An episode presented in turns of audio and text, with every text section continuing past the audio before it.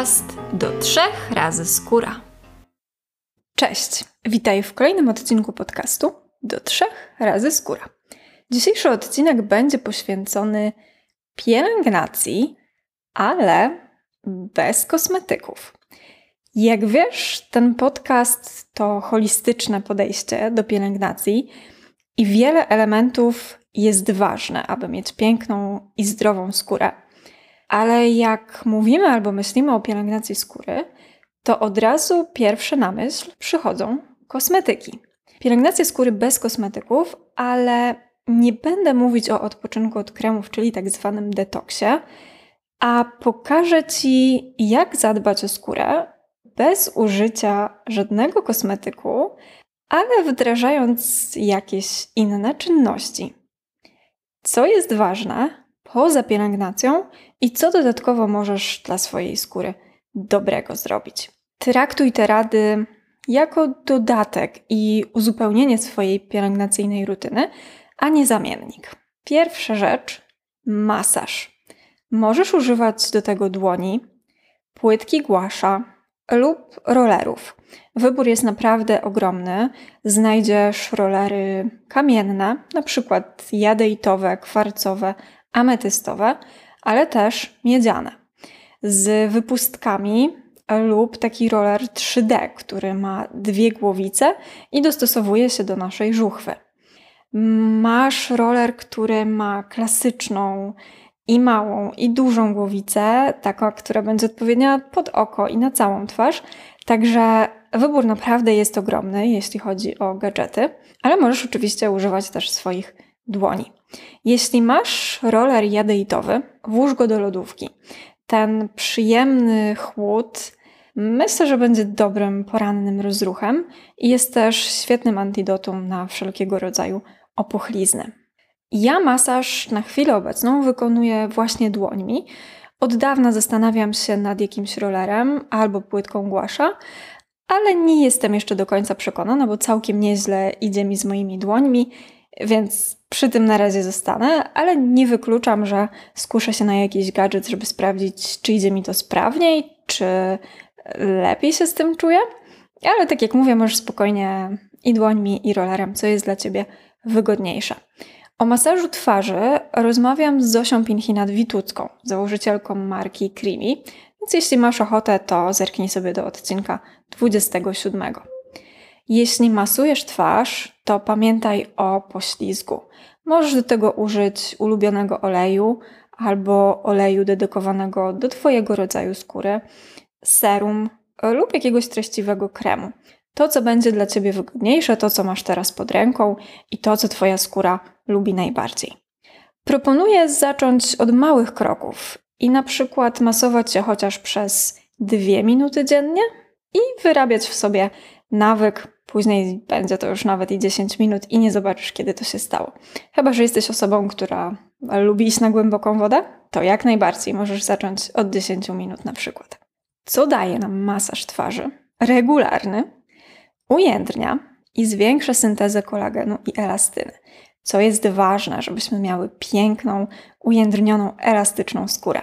Spowalnia procesy starzenia się skóry, no właśnie przez to zwiększenie syntezy kolagenu i elastyny. Zmniejszają się też wszelkie obwisłości, chomiczki, zmniejsza się zwiotczenie skóry, czy nawet bruzdy albo zmarszczki. Kiedy masujemy, to poprawia się krążenie krwi i limfy, więc redukują się obrzęki, na przykład opuchnięcia pod oczami, czy opuchnięcia twarzy, które zdarzają się na przykład po nieprzespanej nocy, albo u mnie po dużej ilości słodyczy i przetworzonego jedzenia. Masując, poprawia nam się krążenie krwi i limfy, ok, i dodatkowo dzięki temu dotleniamy naszą skórę, więc zauważamy, że ma takie naturalne glow. Mówiłam o działaniu ujędrniającym i hamującym procesy starzenia się skóry, i tutaj też warto dodać, że masaż może poprawić nam owal twarzy, więc lekko go unieść, wymodelować, i na przykład świetny jest do tego roller 3D o którym mówiłam, czyli ten z dwoma głowicami.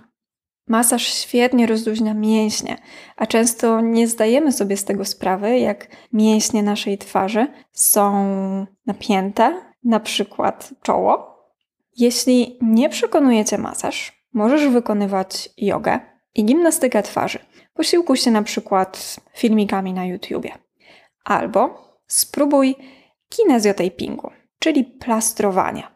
Są to takie specjalne, elastyczne taśmy, plastry, których parametry rozciągliwości, z tego co czytałam, są bardzo zbliżone do parametrów skóry.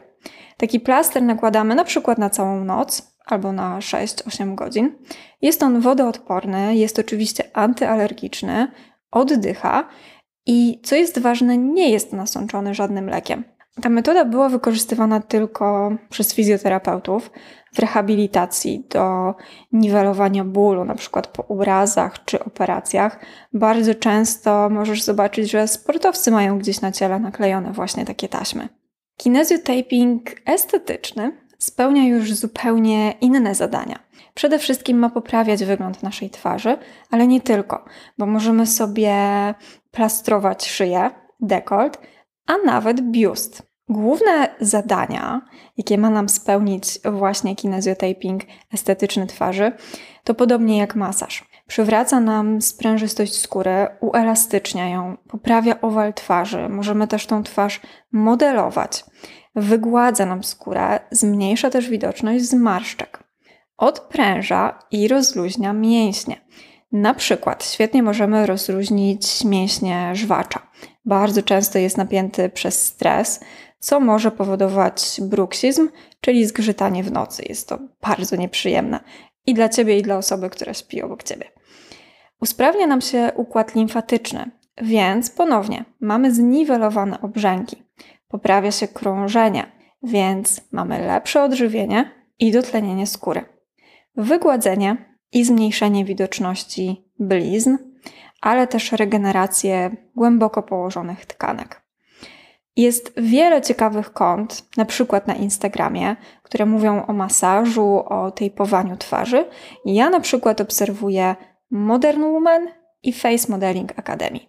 Ale na pewno znajdziesz też wiele innych ciekawych, które będą Ci podpowiadały, jak się masować, kiedy to robić, jakie wykonywać ruchy i niekoniecznie będą to zawsze długie masaże na 15 minut, czasem wystarczą 3-5 minut, więc zachęcam Cię do sprawdzenia.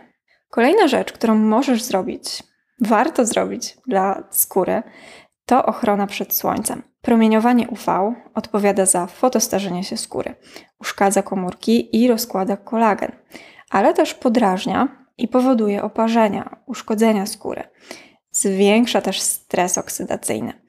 I tutaj bez znaczenia na porę roku, czy są chmury, czy ich nie ma, czy jest dużo słońca, czy nie, nasza skóra narażona jest na niekorzystne promieniowanie UVA. Ono przenika i przez chmury, i przez szyby, aut czy domu i wnika głębiej niż UVB, które jest odpowiedzialne za brązowienie skóry, ale też poparzenia i powstawanie piegów czy przebarwień. Jak możesz się chronić przed słońcem? Dodatkowo do kremów z filtrem, bo dzisiaj o nich nie mówię, skupiamy się na tych kwestiach pozakosmetycznych. Na przykład nosząc okulary przeciwsłoneczne, ale nie takie z marketu, tylko ze sprawdzonych, zaufanych źródeł, na przykład od Twojego optyka. Nosząc czapki, kapelusze, chusty, a czasem parasole. Wiele razy zdarzało mi się iść pod parasolem Mimo, że miałam na sobie krem z filtrem na twarzy, ale zdarzały się na przykład jakieś zabiegi kosmetyczne, gdzie bałam się, że ten krem nie wystarczy i wolałam być jeszcze dodatkowo ubezpieczona. Warto też zainwestować w odpowiednie ubrania. I spokojnie znajdziesz takie na lato, na ciepłe kraje, na przykład len. Możesz nosić wtedy sobie spokojnie długie rękawy. Co jest ciekawe, Znajdziesz też stroje kąpielowe z tkanin chroniących przed promieniowaniem UV i również z długim rękawem. Najczęściej są nazywane w stylu surferskim albo coś tam z surferem, bo bardzo często surferzy mają właśnie takie stroje. I ja również mam taki strój kąpielowy i jest bardzo przydatny. Nie boję się, że gdzieś spalą mi się ramiona albo zmyje mi się krem. Jest to bardzo wygodne. I kolejna rzecz – to znalezienie przyjemnej miejscówki po prostu w cieniu. Następna rzecz, dobra dla naszej skóry, to świeże powietrze i aktywność fizyczna.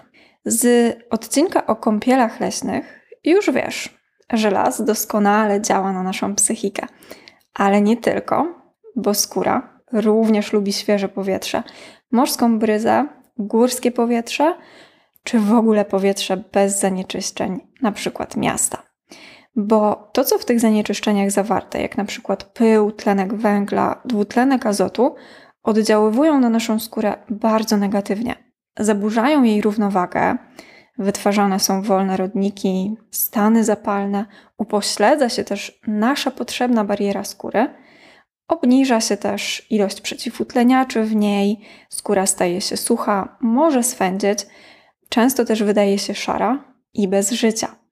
Więc warto trochę ją przewietrzyć, pójść do lasu i zapewnić jej to świeże powietrze i wyjechać czasem gdzieś poza miasto, jeśli mieszkamy na przykład w Krakowie, kiedy zimą to powietrze jest naprawdę bardzo zanieczyszczone.